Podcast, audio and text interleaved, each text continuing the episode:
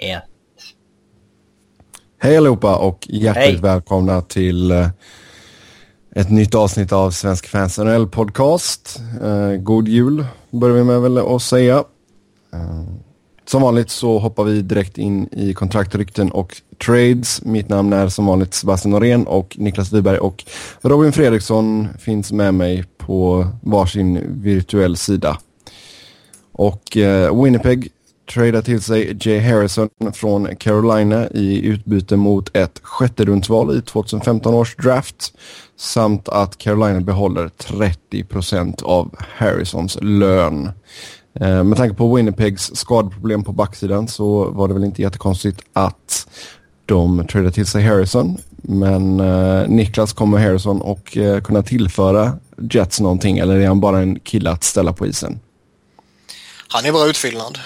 Uh, han är inte så jättehet kan jag inte påstå. Det ville man... Alltså ville man så tror jag man skulle kunna gå efter något betydligt bättre. Men uh, då kostar det också mer. Uh, Jo, det är klart. Men med tanke på vilka skador de har, alltså det, det är ju Stewart, Bogosian, Truba och Jenström som alla fyra är borta. Och med tanke på alla de fyra är borta och att Jets faktiskt har, eh, alltså de är faktiskt involverade i slutspelskampen på allra högsta grad ju. Så med tanke på det skulle jag nog eh, ändå försökt gå efter något lite bättre. Jobbiga med Harrison det att han ju kontrakt över nästa år också. Ja. På eh, över miljonen även om även om Carolina retainar 30%. Eh, så att ja, det är ett jobbigt kontrakt att ha så, att det borde funnits det borde funnits någonting bättre att ta på marknaden tycker jag. Douglas Murray kanske? Bättre sa han. Ja.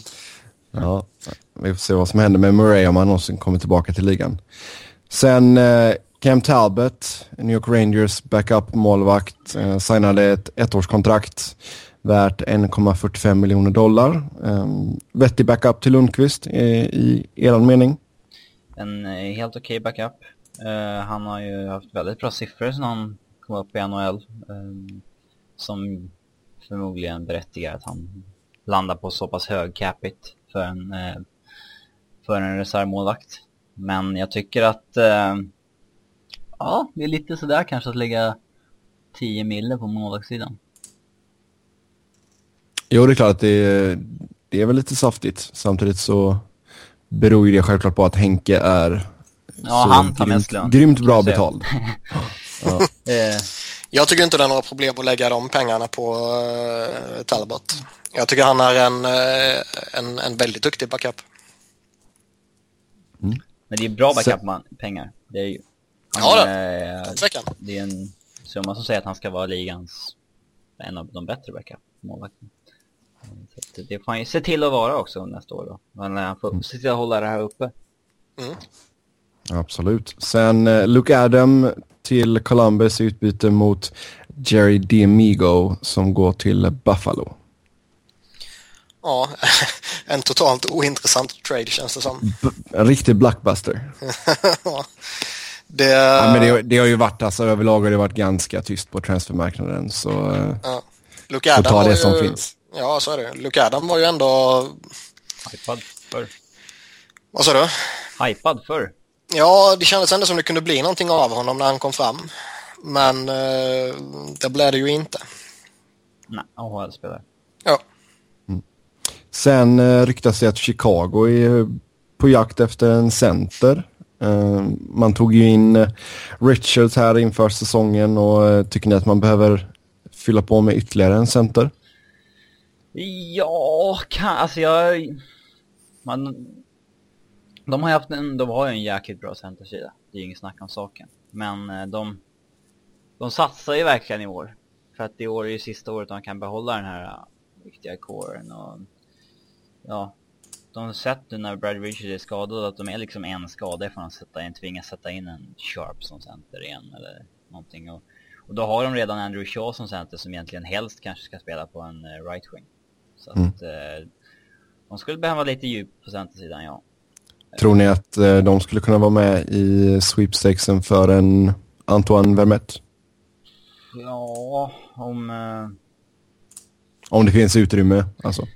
Ja, det är väl möjligt att de skulle kunna vara. Eh, men eh, det beror på lite vad prislappen landar på honom i, alltså i trade. De skulle ju aldrig förlänga med honom såklart. Eh, men jag såg att Elliot Friedman angående Anton Varmet sa att eh, Coyotes vill försöka förlänga med honom men troligtvis kommer de inte lyckas för att hans lönekrav kommer börja med en sexa. Oj, det är ju helt stört. Alltså det är, det är, så, det är lite saftigt. det är så, ja, men jag kan inte ens, även om han är enda centern på hela marknaden, så kan jag liksom inte se framför mig att han ska få en 6 miljoner av någon.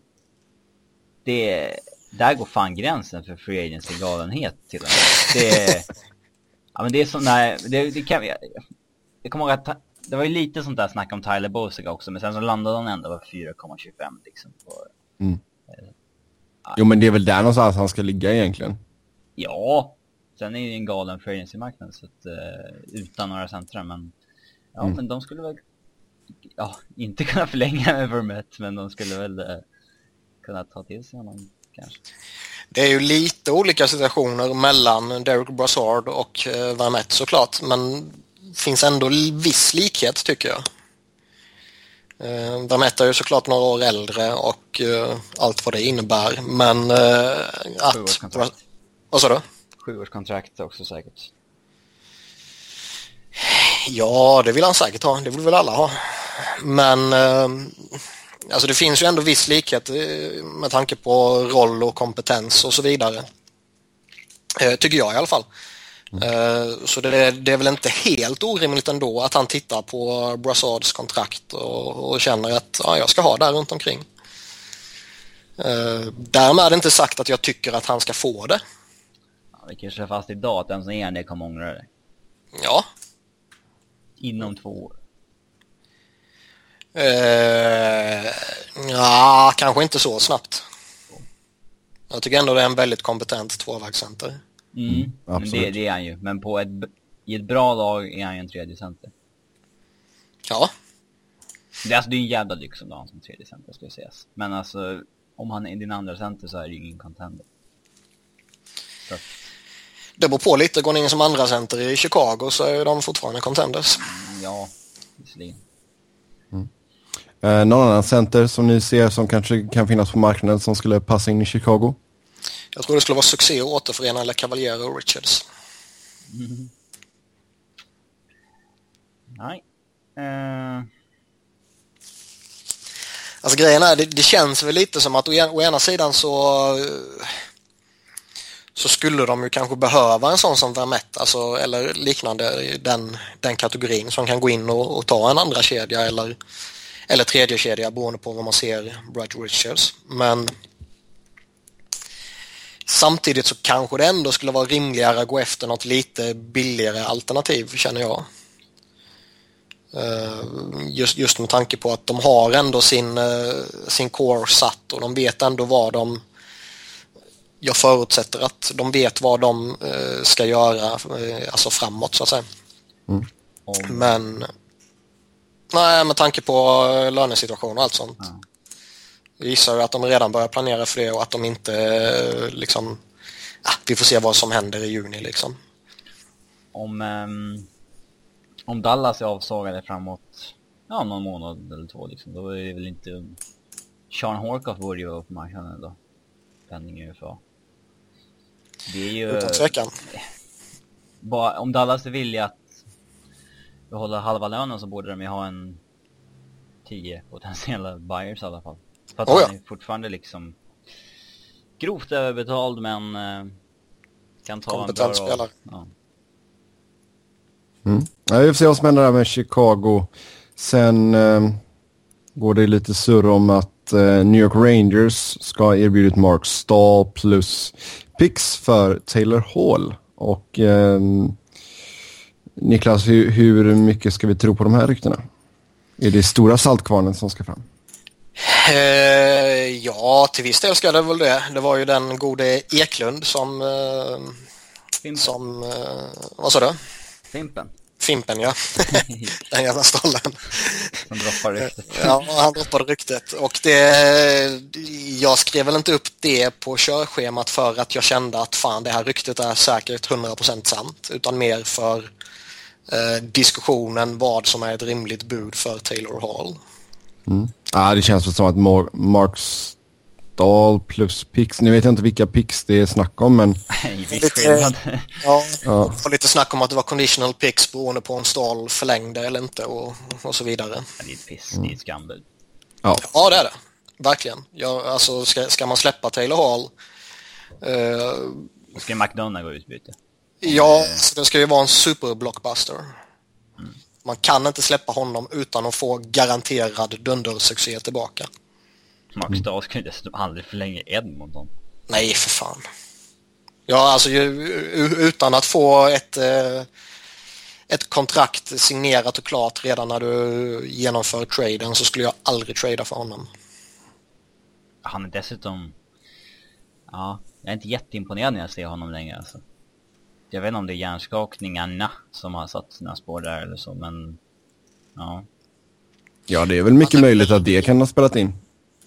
Ja, det har det säkert gjort. Han är inte lika mäktig som han var, men jag tycker fortfarande han är en väldigt duktig defensiv back. Japp. Sen vill man ju jättegärna koppla samman honom med bröderna i Carolina. Jag vet inte, han skulle ju kastas bort lite om han hamnade där. För tillfället Ja. i alla fall. Ja, nej, vi får se. Ehm, men som sagt, alltså, ska man trada för Taylor Hall så blir det ju som sagt ett, en, rikt, en ordentlig blockbuster. Mm.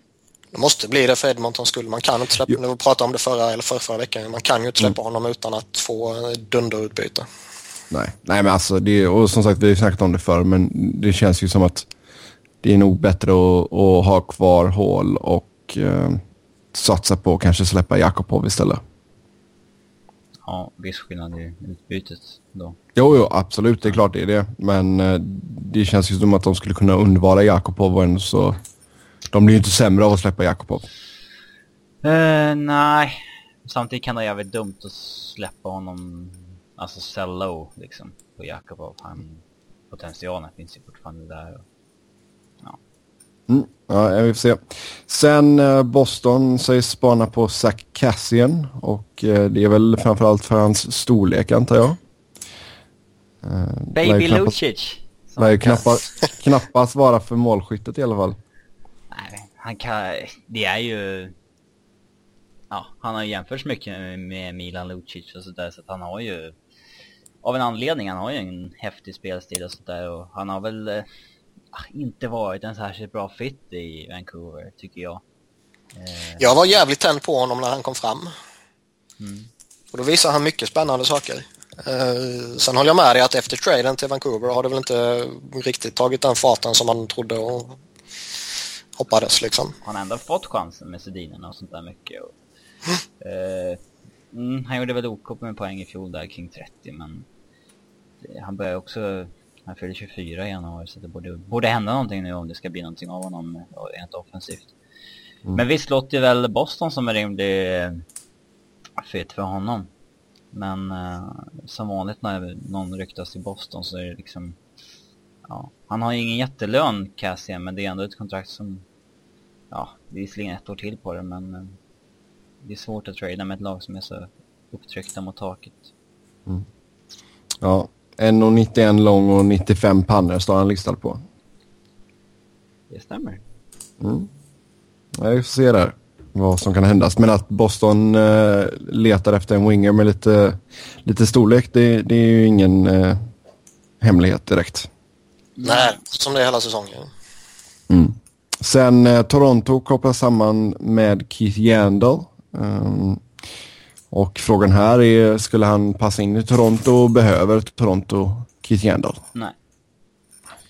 Det är ju klart att han skulle fylla någon nytta hos dem ju. Så pass duktig är han ändå. Däremot så liksom de har ju en framtida Keith Yandel till exempel i eh, en J.G. Gardner eller kanske en Morgan Rally liksom. Så det, liksom Som satsa- Carlisle hatar. Ja, eh, men liksom satsa på de man har och som ändå har en enorm potential istället för att offra tillgångar och få in en spelare som... Kommer de göra besvikna dessutom. Ja, Han, kom, han kommer ju hamna under, jag menar spela i Toronto liksom, hamna under mikroskopet där i, och ha den Nej, det kommer ju gå två veckor, sen är han konstaterad som en flopp ju. Ja, alltså han har ju inte en defensiv som man kan komma undan med i Toronto. Nej, alltså jag, jag tror ju att han har psyket för att spela i Toronto. Det tror jag inte är problemet. Men alltså, det är som sagt, alltså gör han ett misstag, eh, en klassisk eh, Han gjorde Yandel... give- häromnatten. Ja, exakt. En klassisk Yandel giveaway liksom som leder till breakaway. Då, eh, då är han ju körd liksom. Men Ja. Det är inte... Det är Men, alltså, vad, men om, vi, om vi leker med tanken då att Toronto är jättesugna på Yandel. Alltså vad, vad skulle man ge upp för att få honom liksom? Gardner är väl lämpligt. Han är ju uppenbarligen ingen de tror på särskilt mycket. Så att... Eh, och han är ju signad lång tid så det vore väl bra för Arizona att få tillbaka honom. Eh, sen har ju Yandel fortfarande ett rykte som är ganska högt så att man skulle väl kunna addera någonting mer på det. Så att... Eh, kanske stjäla en Peter Holland eller någonting som förtjänar större roll än han får i Toronto.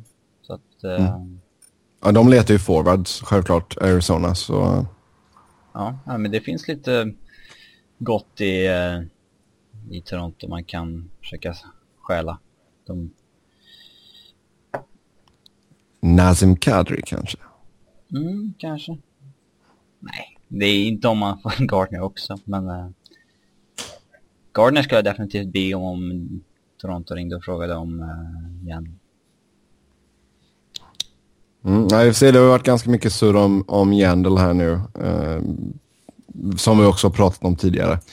Det, det är väl också en kille som kommer att begära ordentligt med betalt när hans kontrakt går ut efter nästa säsong.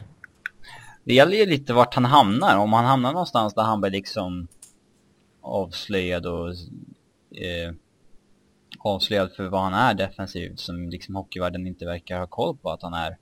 Och eh, men hans rykte kan ju fallera ganska snabbt på ett år. Skulle han Jo. marknaden idag skulle han ju få 7,5. Jo, men det är klart att, ehm, att det är många som inte fattar vad han får för typ av minuter och liksom allt så här, och zonstarter och... Ja, men jag har sett är ju- folk på Twitter som snackar om det här laget behöver en första back. De borde gå efter Yandel. Ja, nej, det är ju fel. Jag bara tittar i poängkolumnen. Ja. Jo, men det är ju det som är grejen också. För jag menar, det ser man ju även alltså andra journalister och allt sånt där också. De snackar ju som att det är liksom är Järndel-backparet som är första paret. Och det, det stämmer ju inte för fem öre. Nej, det är Utan ju det, Ekman Larsson. det är ju Ekman Larsson och Mihalek som är första paret.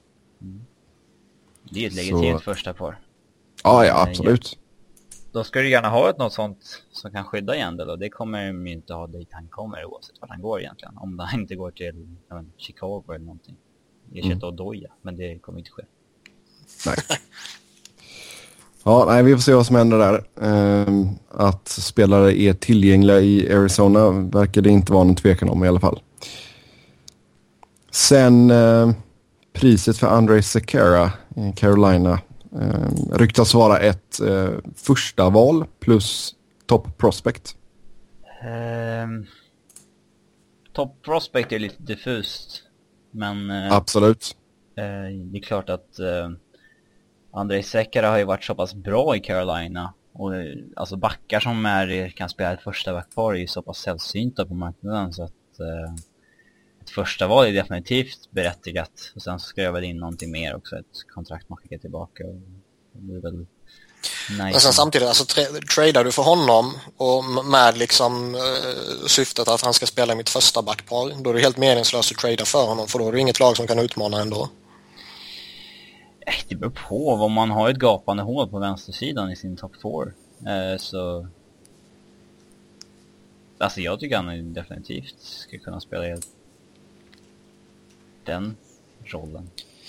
Ja, det är klart, men sätter du in honom jämte Shea Weber så är det klart att han spelar ett första par. Men, men om man bortser från eh, att han ska gå in och spela jämte en sån här superback så ser jag inte det som en spelare som går in i ett första par i Alltså ska, ska du trada för den, den sortens back inför eh, slutspelspush så är det ju för att du tror att han kanske är någon värvning som kan eh, lyfta dig över den här lilla tröskeln så att säga.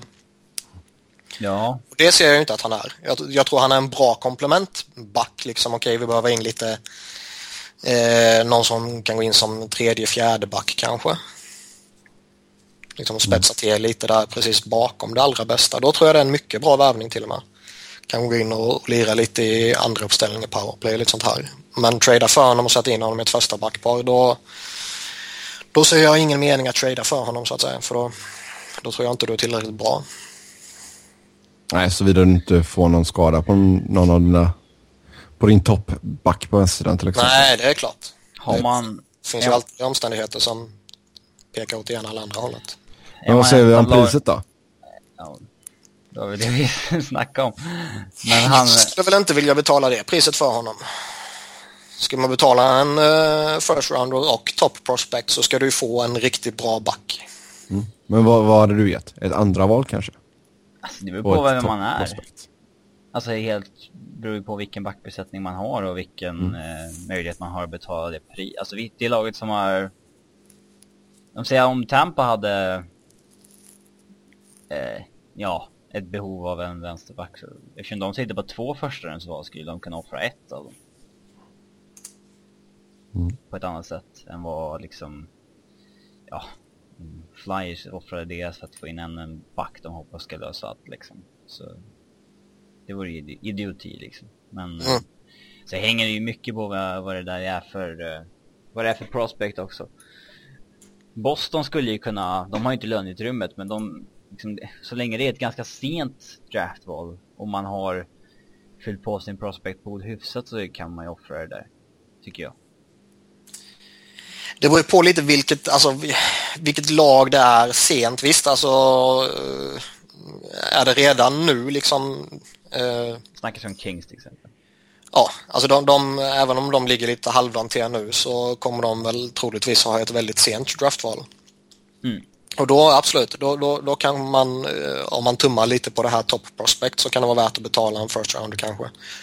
Men jag, liksom, är, det det här laget som någonstans ligger kring liksom 16 platsen och precis dansar lite upp och ner där på om att ta det till slutspel eller ej. Då, då är det ju riktigt vanskligt att skeppa ett, ett första val.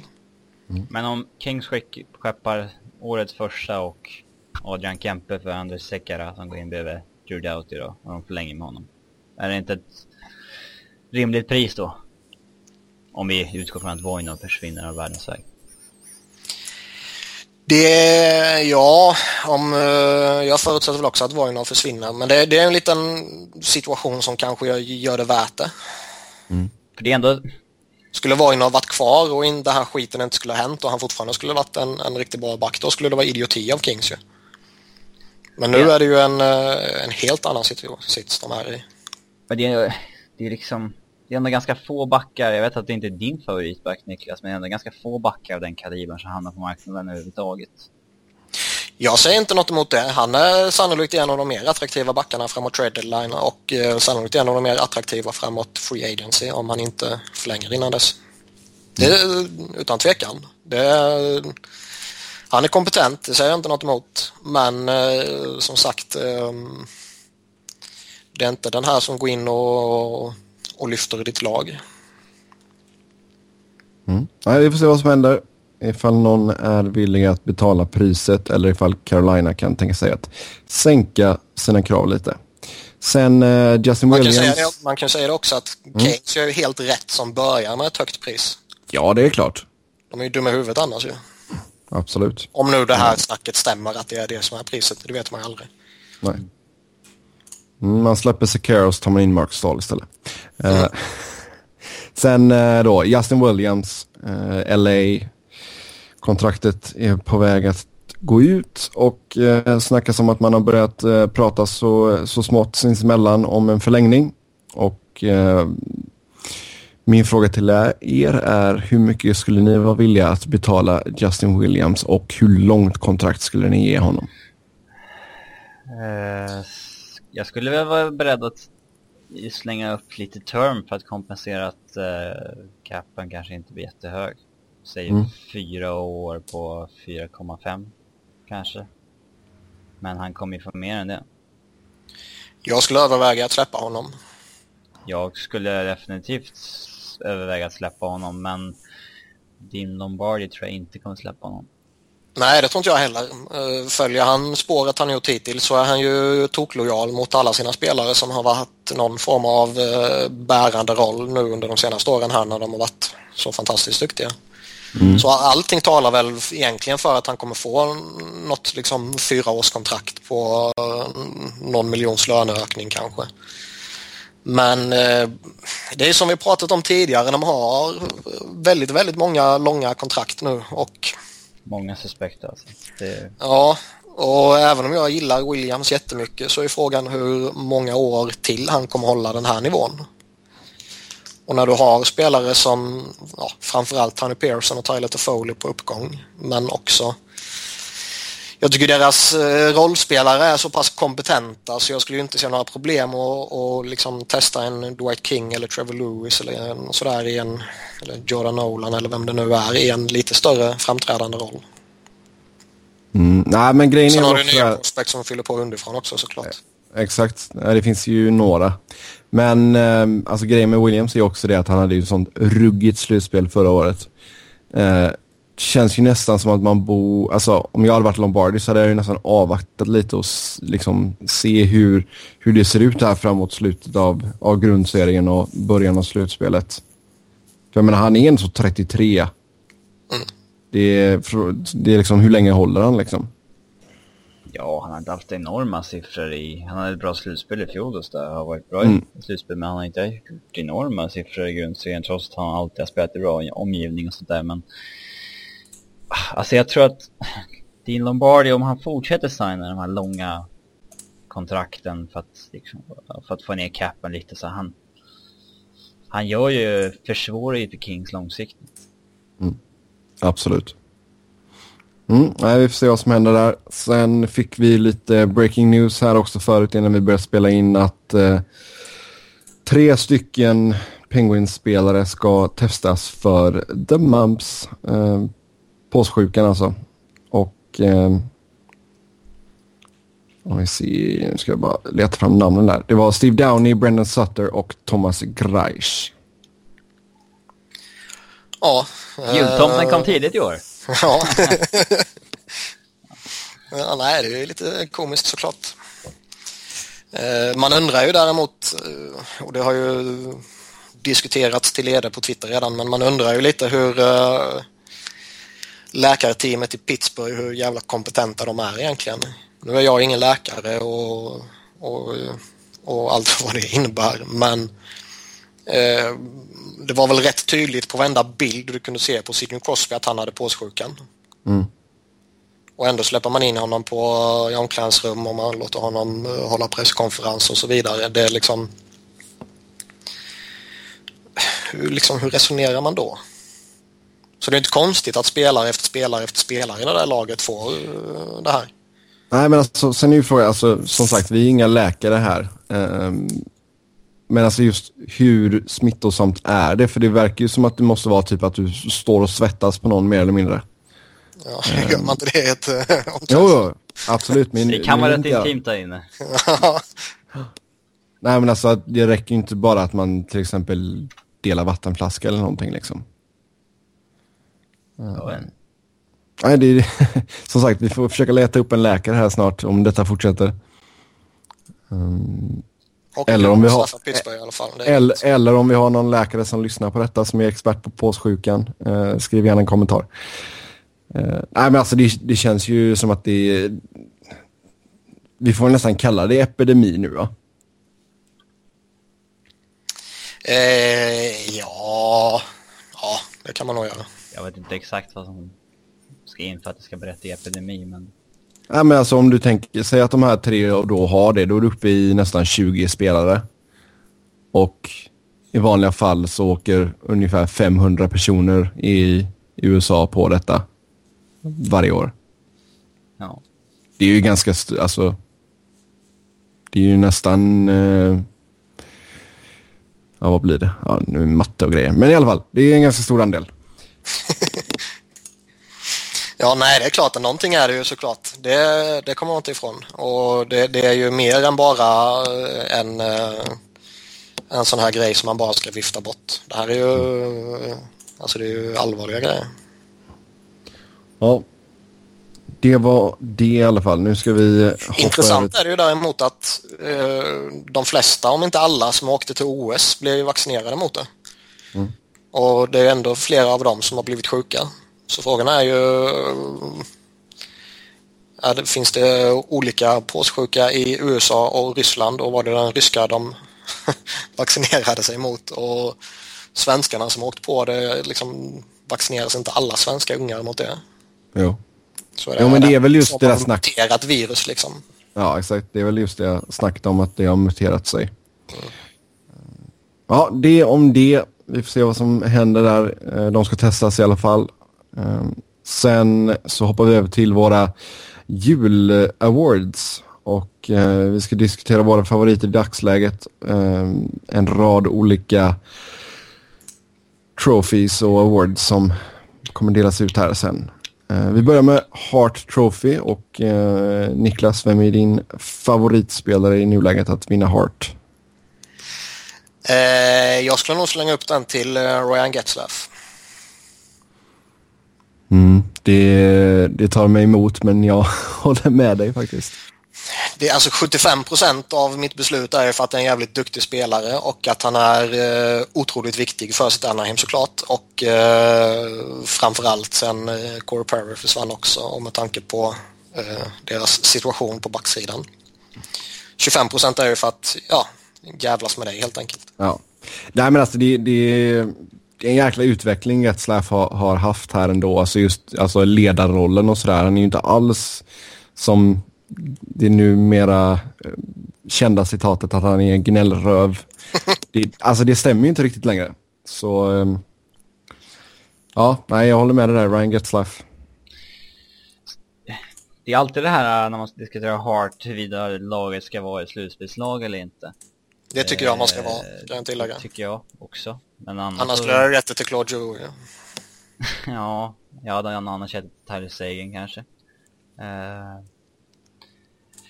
Men det finns det ju andra eh, liksom Pekarinne har väl Bert Nashville till en eh, vad som ser ut nu uppe i en slutspelsplats. Eh, Tarasenko om han eh, fortsätter den här takten bör ju ligga jäkligt bra till också.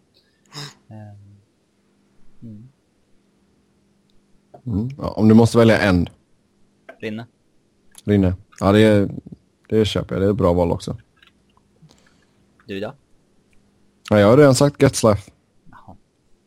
Det, tyvärr. Jag skulle väl, om, man, om, man, om vi skulle pratat för eh, några veckor sedan så skulle jag väl slängt upp en Mark Giordano också. Ja, Mm. men han har ju fallit ner på jorden. Ja, han har traktat av lite och framförallt har ju laget också gjort det. Ja, de... eh, De har ju kommit ner på jorden lugnt kan man ju lugnt säga. Mm. Eh, Mm. De kommer väl landa någonstans i botten till slut. Mm. Och sen en eh, award som går lite hand i hand med Hart. Det är ju Ted Lindsay Award. Eh, för detta Lester B. Pearson. Eh, men det är spelarfacket som röstar om, om Lindsay Award och eh, favoriter här. Claude Giroux, Du tror spelarfacket är så, så eh, ja han har varit bäst kä- ju. kära i Claude? Ja, han har varit bäst. Det är det det handlar om. Kanske eh, Voracek ska ha den i och för sig.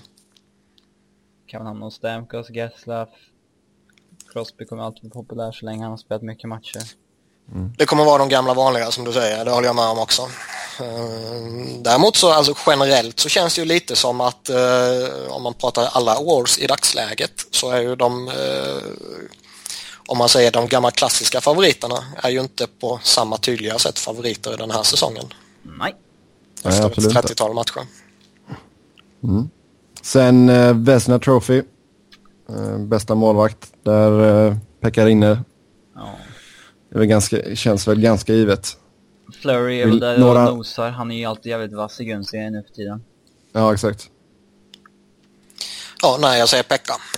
Mm. Jag är imponerad av, eh, vi pratade väl om det tid, nå- för någon vecka sedan också lite att det var ju trots allt osäkerhet kring honom med, med hälsa och med nytt system och allt vad det innebär.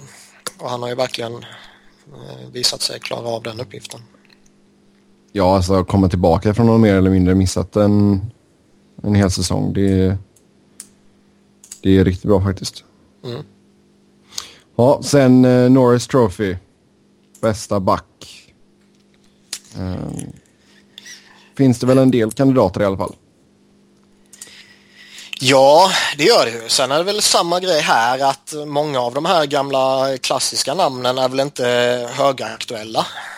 Eh, Men det, är de inte här- det kul på ett sätt? Jo, det är skitskoj. Det, jag, jag menar inte det som något negativt, men eh, det är fascinerande. Eh, jag skulle nog fortfarande ge det till Giordano. Eh, även om han har, som vi sa, tacklat av lite mot slutet så ser man alla 35 matcherna så är de första matcherna fortfarande så brutalt eh, fina så han förtjänar det. Annars av de riktigt stora namnen så är det väl kanske mer Shea Weber som jag skulle känna är, eh, är aktuell där. Men så länge han har mer än 10 man före sig i poängligan så kommer det inte visa. Nej, det tror jag inte heller.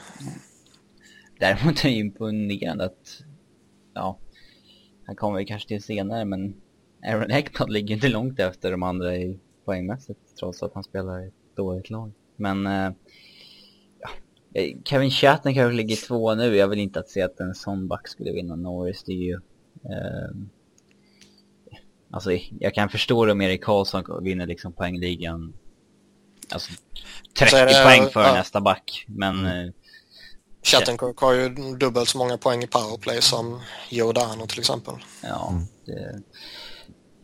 Mm, Ja, men det känns väl som att Giordano är lite mer allround ändå. Ja, han. ja, det är mycket, mycket, mycket mer än. Hade är en bra Victor- PP-back.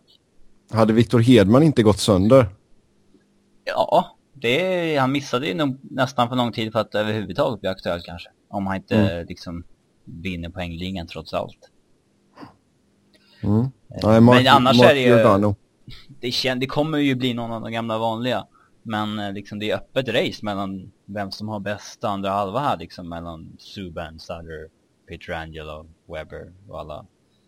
Vem som Mm. kan storma iväg sista halvåret. För att det är ju, Mm. det är ju liksom, det är ju det sista halvåret folk har i minnet när de röstar också.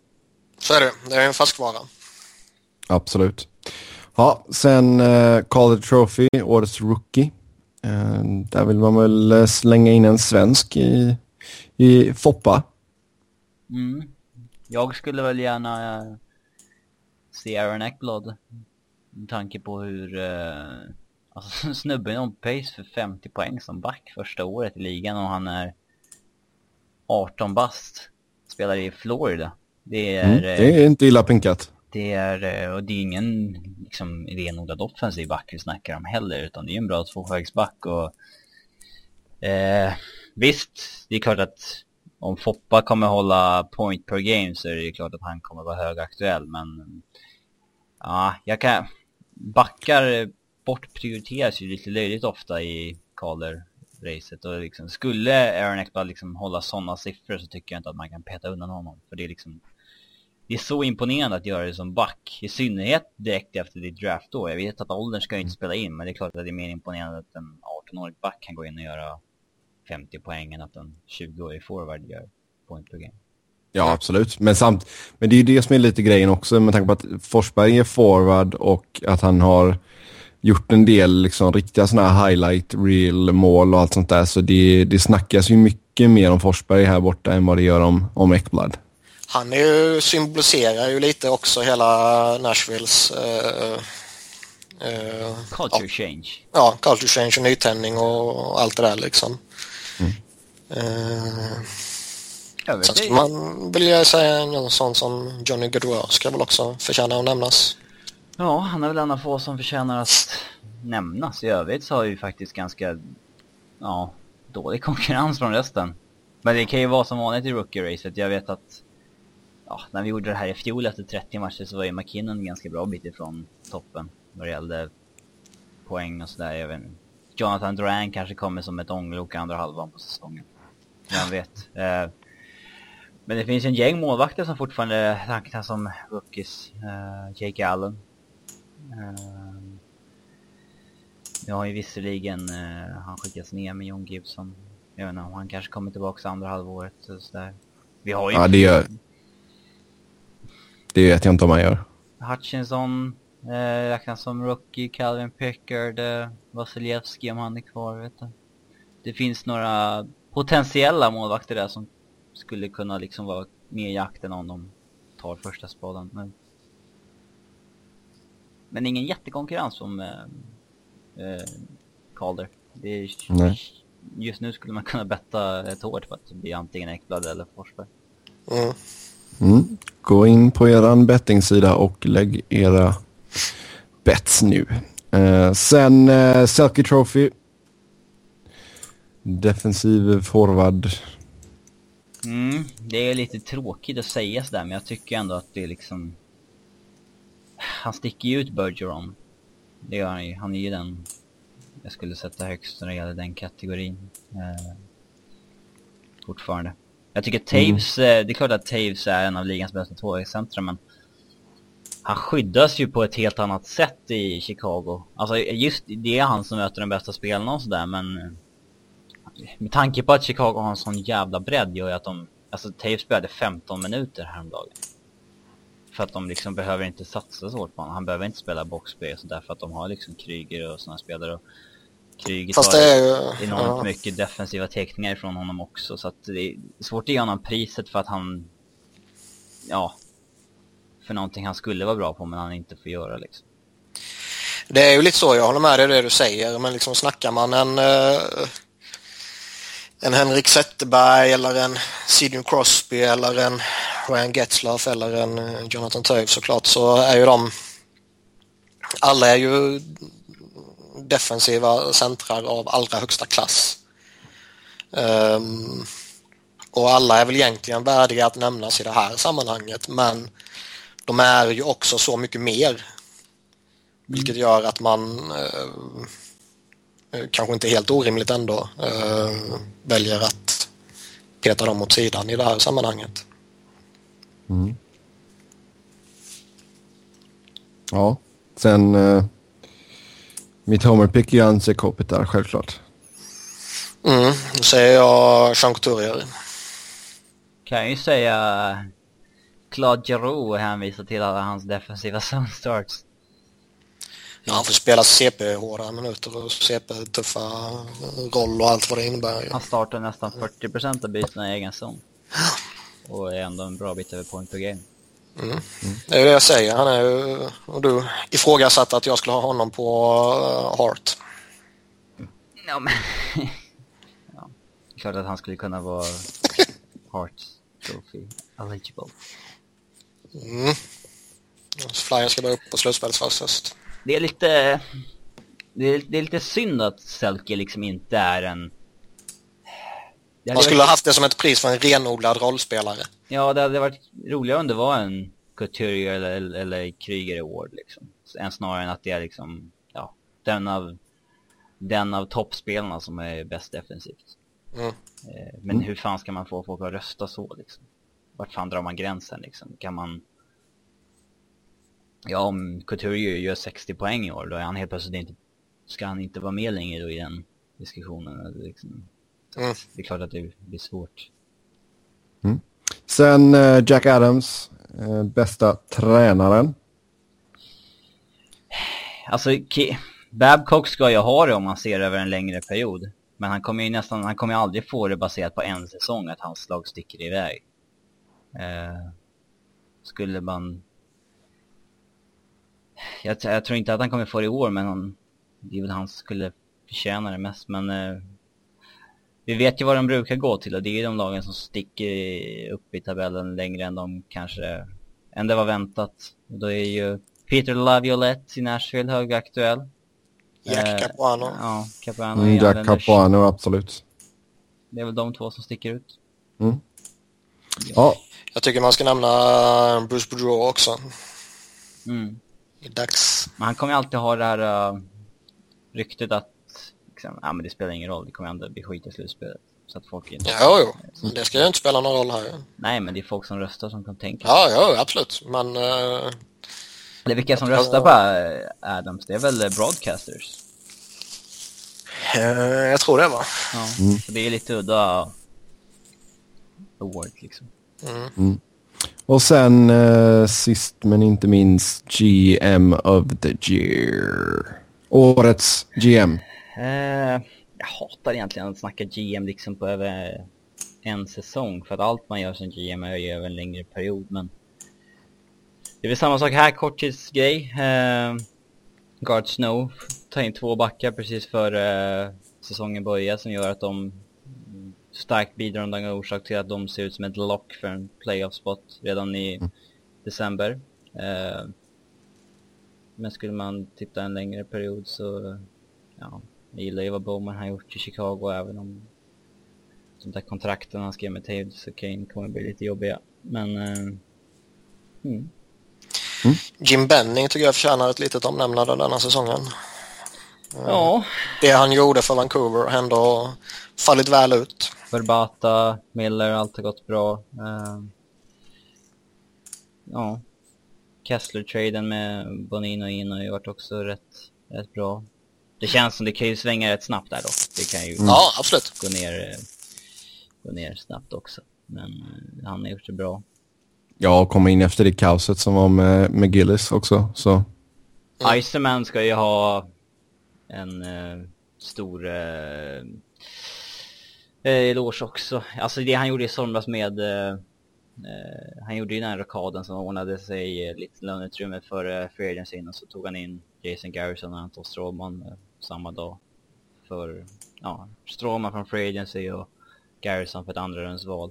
Och det är ju jättebra att få in två topp fyra backar samma dag bara sådär och lösa hela försvarslinjen. Så att, eh, det är också ett imponerande move. Mm. Och sen så ska vi också sia i om vilka vi tror vinner Art Ross Trophy och Rocket Richards Trophy. Kan börja med Art Ross. Crosby. Drew... Nej, Crosby. ja, jag vet att det är tråkigt att säga, men det, ja. Är han inte Tyvärr. skadad så kommer han igång. Ja. Nej. Och sen Då Rocket slår vi Richard vad då. här och nu. Oj, oj. Alltså, 2000 spänn. Nej. jag är inte med på några jäkla bets i alla fall. Nej, det är klart jag inte kommer slå vad om eh, något sånt när det här jävla laget är så pissdåligt. Vet vad det är som sätter Bruby säran på Euro och Voracek och Crosby går om till slut. Typ. Uh, Rocket Richard då, mest mål. Ja, vi har ju en frontrunner just nu om vi säger som är Tyler Seguin och det är väl, eh, han är väl svårcatchad kan jag tycka. Är det någon som kan plocka honom så är det väl Steven Stamkos. Ja. eh, Så jag skulle säga någon av de två. mm. Vänta bara, Rick Nash, Rick Nash chockar oss alla. Nej, han är bara het just nu. Han, Han har snart haft sitt roliga. ja. ehm, Nick Folino är där och nosar. Det hade varit kul om han gjorde en 40 balj. Men ehm, Corey Perry såg ju fet ut i början, man tacklade av lite. Skadad framförallt. då. Mm. Ovechkin kommer ju nog inte rå på de största, man kommer ändå mm, göra sina 40 baljer eller någonting. Eh, det är ju... Ja, han nämns ju aldrig som eh, en av världens bästa spelare längre, men det jag har... Jag kan inte nämna någon winger som skulle vara bättre i alla fall. Nej, men som sagt, som sagt, Seguin har ju redan 25 mål på 32 matcher och tror ni han kan komma upp i 60? Mm, han är on pace för 64. Mm. Men alltså, åh. Alltså 60 känns ju som sjukt mycket alltså. Det, Ja, det var... Det det. Ovechkin gjorde väl det för några år sedan. Men sen dess har väl ingen... Gjorde inte Stamkos det? Eh, jag vet inte. Får du go- googla snabbt här Robin? Han kan ha landat på exakt 60 något år. Ja, det gjorde han. Eh, 11-12 säsongen. När de inte gick till slutspel. Så det var inte värt ett skit. Den är lite sur. Det är ju däremot imponerande att göra det i ett dåligt lag. Ja. Som Seguin. Ja, Eller Voracek. ja. Mm. Vi får se om det blir Sagan eller Voracek eller om Stamkos... Eh, Men vi alla tror Seguin i dagsläget. ja. Ja, jag tror ju inte Voracek kommer vinna Rocket Richard. Nej. Nej, Jag säger, jag säger Seguin eller eh, Stamkos. Mm, Sagan ligger bra till. Mm, nu ska vi dela ut lite julklappar så här i juletider och ehm, det kan vara till eh, lag eller till enskilda spelare. Och eh, Niklas, vad har du i din eh, tomtepåse? Jag har en eh, tågbiljett Okej? till Patrick Kaleta, en enkelbiljett till Rochester, Ah. där han hör hemma. Till helvetet. Ja, eller det. Eh, Ett fint litet kuvert med tomtar på. Nej du, det är inget fint där.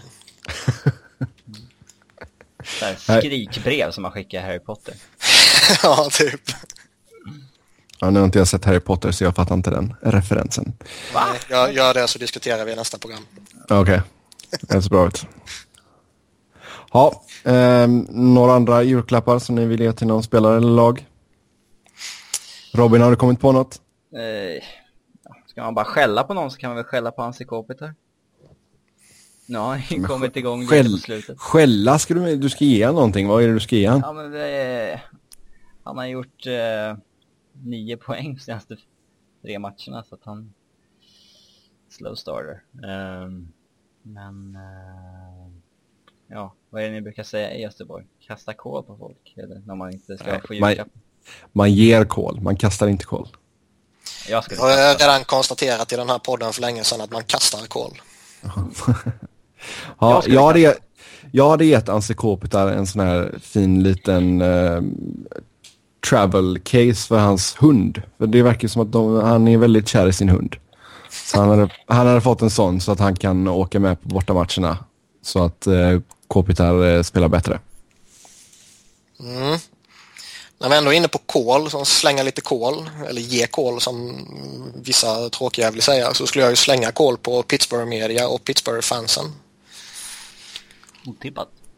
Jävligt otippat. Eh, mest för att de är såna jävla hycklare och under så många år har hånat Flyers och eh, Steve Downey till exempel eh, som skräp och nu eh, helt plötsligt så är han typ världens bästa spelare. Plus att de har en jävla goon squad i övrigt. Så det, mm, jävla hycklare. Okej.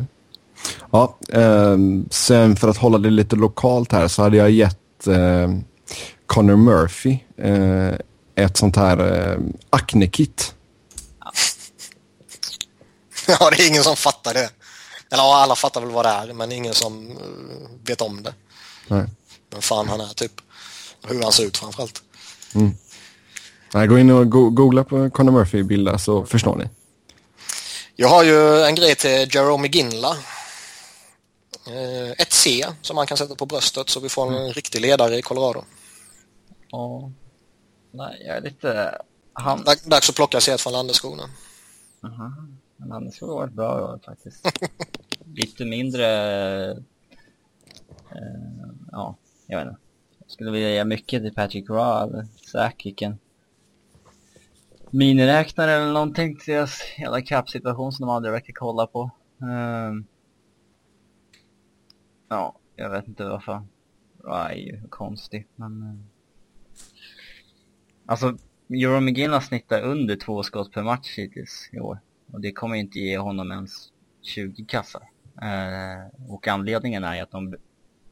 Kollar man på hur de använder honom så använder de honom som en... Eh, ja, en legitim tvåvägsspelare som startar jättemycket i egen zon, vilket eh, ja, han absolut inte har gjort senaste åren. Och eh, vill man, vill man få ut några 30 mål av honom så får man väl sätta honom i en situation där han alla fall skjuter två skott per match och inte under två skott per match. Det. Nej. Mycket skit i Patrick i julklapp. Mm. Ge honom C så kommer han tända till.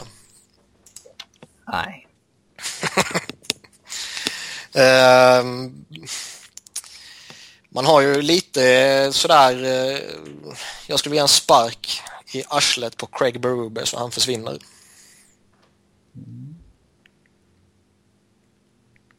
Jag är, Ja. trött, jag är trött på galningen.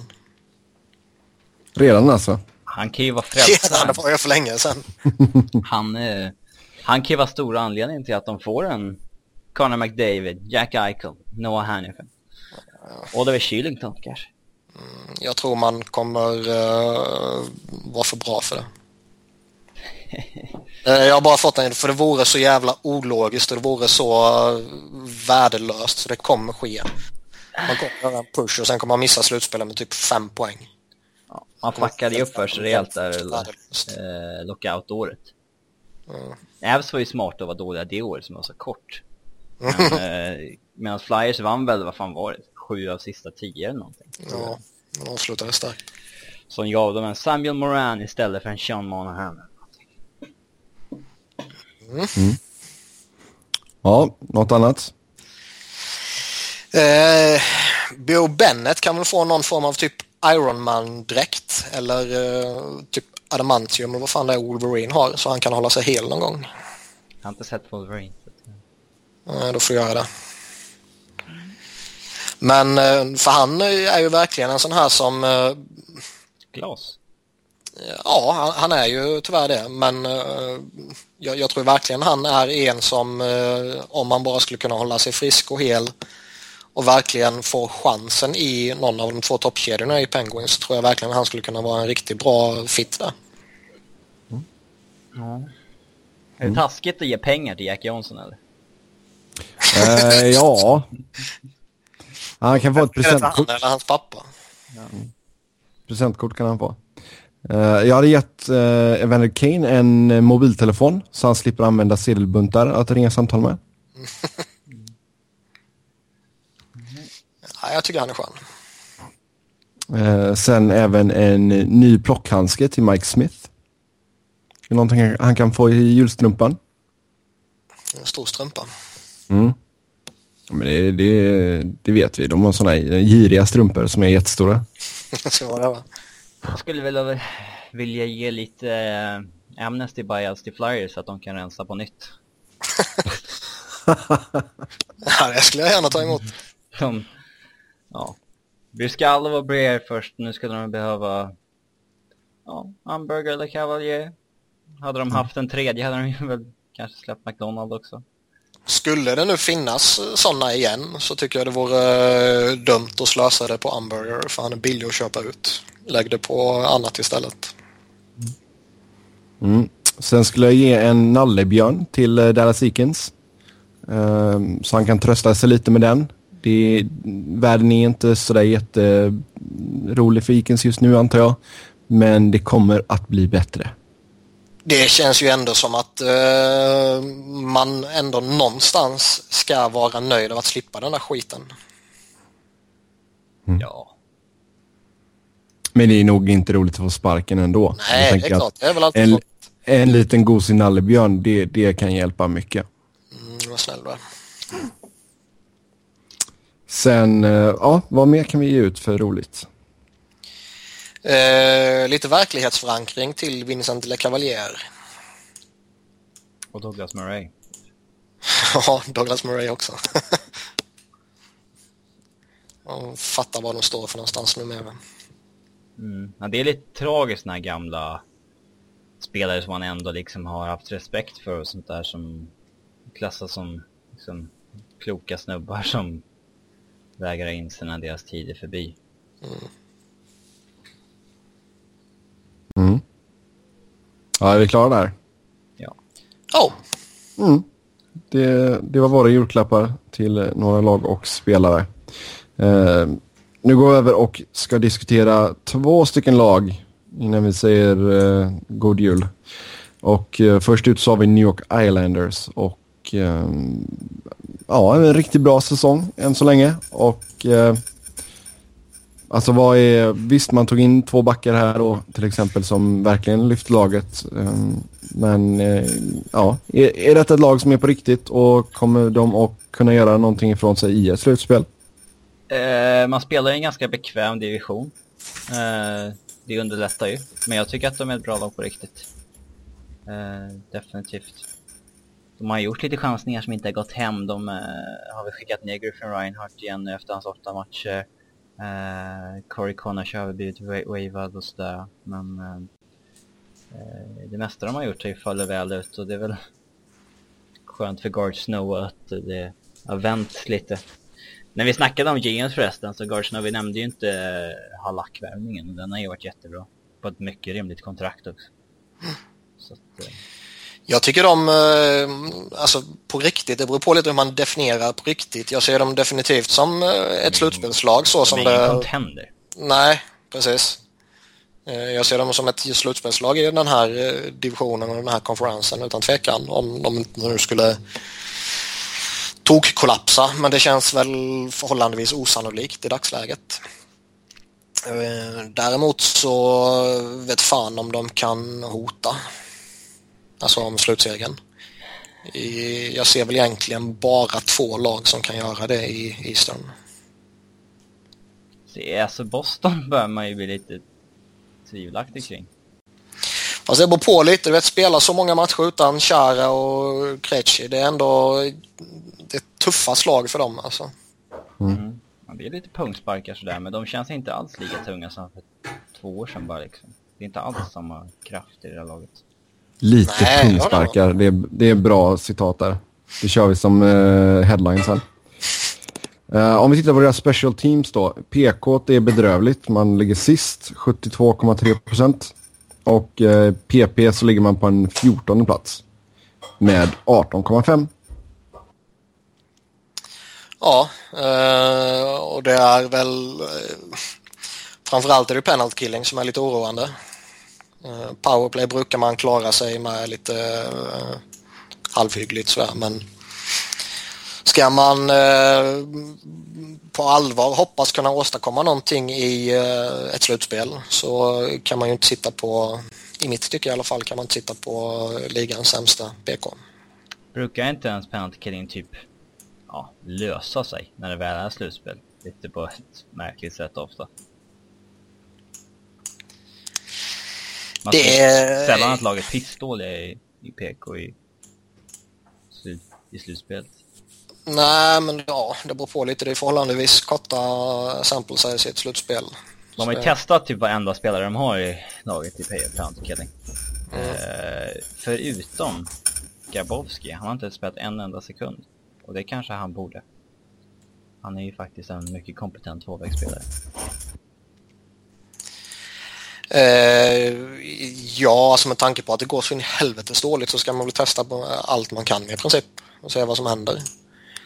Ehm, sen, eh, alltså även om jag gillar deras försvar, de har väldigt många intressanta spelare där, så är det väl inte direkt ett försvar som är byggt för att vara grymt i PK om man säger så. Nej, det finns väl två shutdown-backar i Hammernick och Boychuk, men det skulle väl kanske behövas någon till. Mm. Man kan väl kanske komma undan med att ha en, jag vet inte, Matt Karkner i ena pekat framför mål och sådär, men någon till som är lite vassare defensivt hade inte skadat. Mm. Istället för Wisniewski eller någon. De, hans, han är ju ett slut. Ja, det kan man nog slå fast. Mm. Eh, på tal om spelare då, vilka tycker ni har gjort det bra och vilka har gjort det mindre bra? Eh, Halak som eh, Robin nämnde lite tidigare har varit riktigt bra för dem tycker jag. Tavares har ju varit lite under förväntan. Alltså både han och Poser. Mm. Eh, stort genombrott för Brook Nelson givetvis. Um, och Leddy och Boychuk har ju också varit över förväntan måste man säga. Det trodde jag inte om att det skulle vara en sån... eh, att det skulle gå så bra. Nej. Det har gått lite under förväntan också på Grabowski och Kulimin så att... Eh, eller i alla fall på Grabowski. Eh, så att vi... det finns mycket sparkapital ändå. Mm. De har ju precis tillbaka Grabner från skada. Eh, Konrad har ju floppat. Så att det finns mycket kvar att hämta. Så att det ser lovande ut i Islanders. Mm. Eh, om du skulle leka GM där då, Niklas, vad hade du eh, försökt att eh, fixa med detta lagbygget inför ett slutspel?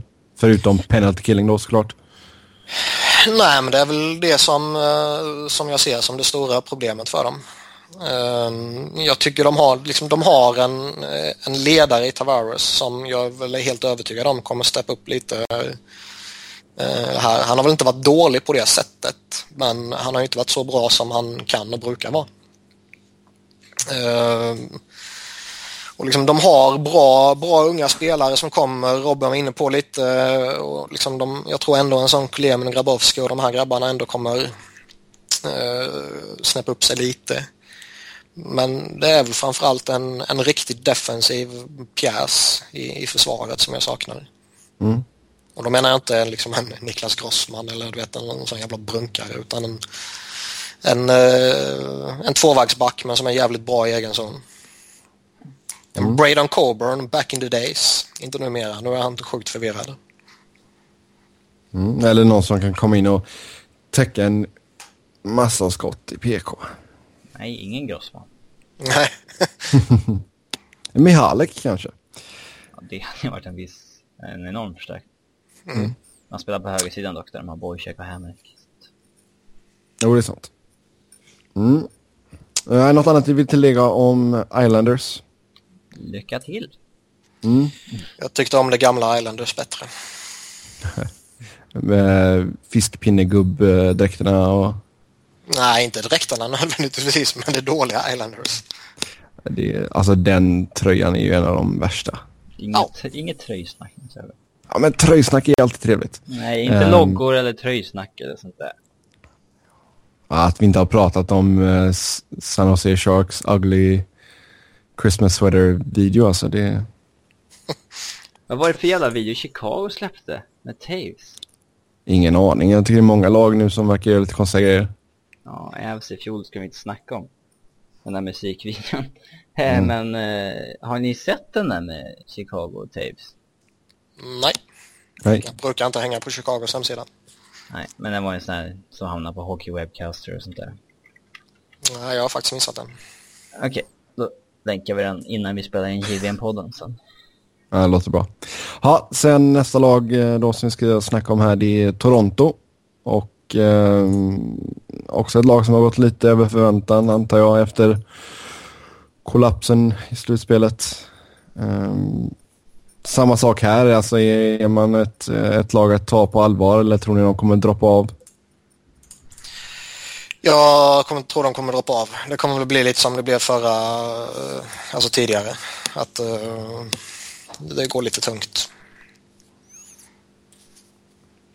Mm. Uh, det är så svårt att veta vart man har Toronto. De är ju liksom... Uh, vissa delar av laget känns på uppgång och vissa delar liksom kvar i det gamla. Eh, och eh, man vet inte mm, vilken sida kommer segra.